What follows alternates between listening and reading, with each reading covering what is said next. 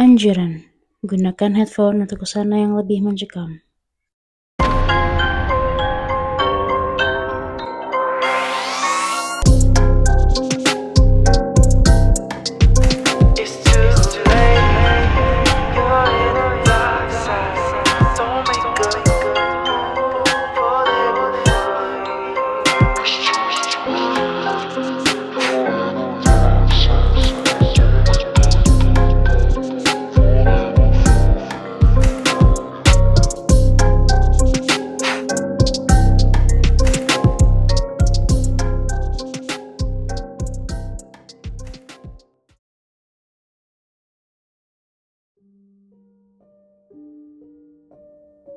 Ini pengalaman horor nyata tante saya pada tahun 2007. Saat itu usia pernikahan tante saya baru semur jagung. Dan tante saya masih rutin ke salon langganannya saat masih lajang. Tante saya cukup akrab dengan pegawai salon yang, maaf, agak kemayu untuk seorang cowok. Tante saya banyak bercerita tentang suaminya yang sering lembur dadakan. Pegawai salon itu meminta tante saya berhati-hati dan menjaga suaminya agar tidak diganggu cewek lain. Dan tante saya pun mengatakan bahwa dia pun jarang berdebat dengan suaminya hanya karena pulang malam. Akhirnya pegawai itu menawarkan jimat yang entah dari mana dia mengaku diberi oleh pelanggan. Dan jimat itu bisa mempererat hubungan suami dan istri. Tante saya yang saat itu butuh karena resiko pekerjaan suaminya pun mengambil jimat itu dan pulang ke rumah. Pegawai salon itu berpesan untuk menaruh jimat itu di bawah kaki lemari. Karena tante saya tidak memiliki lemari di lantai satu, akhirnya tante saya menaruh jimat itu di lantai dua rumahnya. Kejadian aneh mulai terjadi setelah seminggu berlalu. Suami tante saya menjadi tidak betah di rumah dan selalu terjadi perdebatan yang tidak perlu setelah pulang kerja. Aura menjadi panas dan tante menjadi sensitif kalau disinggung masalah pekerjaan suaminya. Puncak dari kejadian aneh itu saat anak tante saya setiap pagi selalu melihat pocong yang berdiri di ujung tangga lantai dua. Setiap pagi selalu berulang hingga lebih dari seminggu. Awalnya tante saya menganggap anaknya hanya berhalusinasi. Karena saat ditanya ke mana pocongnya pergi ke anaknya, dia selalu bilang, pocongnya melayang keluar dari pintu depan dan hampir menabraknya. Hingga pada akhirnya om saya, yaitu suami dari kakak tante saya, yang mampu melihat hal gaib, datang untuk memeriksa rumah tante saya. Dan om saya mengatakan bahwa pocong itu datang saat senja dan pergi saat fajar. Dan pocong itu adalah penunggu dari jimat itu. Jimat yang diberikan pegawai salon itu bukan jimat yang beraura positif, tetapi mampu memberikan efek tidak nyaman dan mengganggu. Dan pocong itu sebenarnya ingin mengganggu anak tante saya. Setelah kejadian tersebut, tante saya mengembalikan jimat itu kepada pegawai salon. Pegawai salon cukup kaget saat diceritakan tentang pocong dan lain-lain. Karena ternyata dia juga kurang tahu dan berbohong kepada tante saya. Ternyata jimat itu adalah jimat yang ditinggalkan entah siapa di salon tersebut.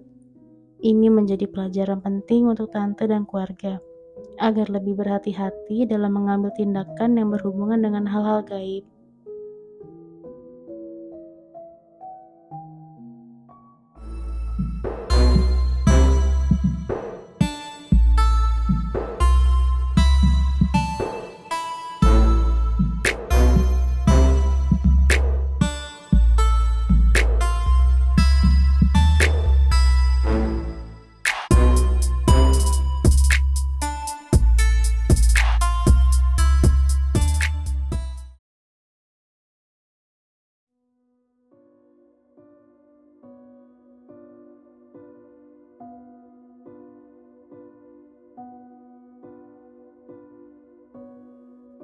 Santet adalah salah satu ilmu hitam yang hingga kini masih dipercayai sebagian masyarakat di Indonesia.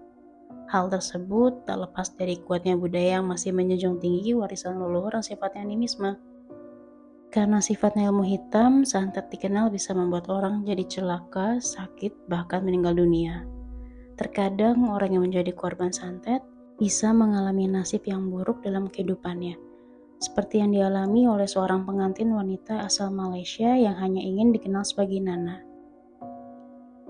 Nana mengaku disantet dan masih belum tahu apa kesalahannya hingga diperlakukan kejam oleh orang yang mengirimkan ilmu hitam itu. Sampai saat ini saya mencari-cari apakah salah saya. Diperlakukan sehingga sekejam ini, kata Nana. Menanggung derita selama dua tahun, Nana menjadi korban santet dari sosok yang diduga adalah sahabatnya sendiri. Masalahnya, sejak menikah bulan Agustus tahun 2021 lalu, Nana mulai menderita berbagai penyakit misterius. Sejak saat itu, Nana bolak-balik ke rumah sakit untuk mengobati penyakit misterius yang dideritanya. Penyakitnya memang aneh. Selain seluruh tubuh terasa sakit, perut Nana membesar dan keras. Anehnya, Nana tidak datang bulan selama hampir setengah tahun. Tumi terasa perih dan perut nyeri seperti haid. Menurut Nana, awalnya ia didiagnosis mengidap sindrom ovarium polikistik atau PCOS yang diduga menjadi penyebab kesulitannya untuk hamil. Namun penyakit misterius yang dialaminya terkuak setelah Nana memutuskan untuk berobat ke seorang ustadz. Dia mengundang ustadz datang ke rumahnya untuk melakukan pengobatan islami terhadap penyakit anehnya. Betapa kagetnya Nana ketika ustadz tersebut memberitahu kalau dia disantet menggunakan minyak dagu. Saya kira santet pakai minyak dagu itu hanya dioleskan di rumah. Tapi ternyata di mobil juga, ungkapnya. Paling seram saat Nana diberitahu baju pengantin yang dipakainya juga diolesi santet minyak dagu. Minyak dagu itu bahkan ditemukan di kamar, tempat tidur, hingga cermin di meja riasnya. Minyak dagu tersebut dioleskan melalui perantaran seekor katak, kata Nana.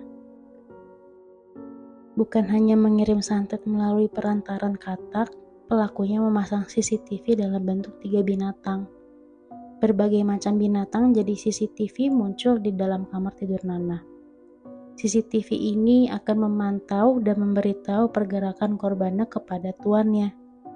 Nana menambahkan, perutnya yang membesar dan mengeras akibat terkena sihir busung katak, jenis ilmu santet lainnya di Malaysia. Saat Ustadz mengobatinya, tubuh Nana mengeluarkan benda-benda aneh, yaitu seekor katak, paku, dan beberapa jarum. Namun, Nana mengungkapkan rasa terima kasihnya kepada suaminya yang selalu berada di sisinya dan pantang menyerah untuk sembuh dari penyakitnya.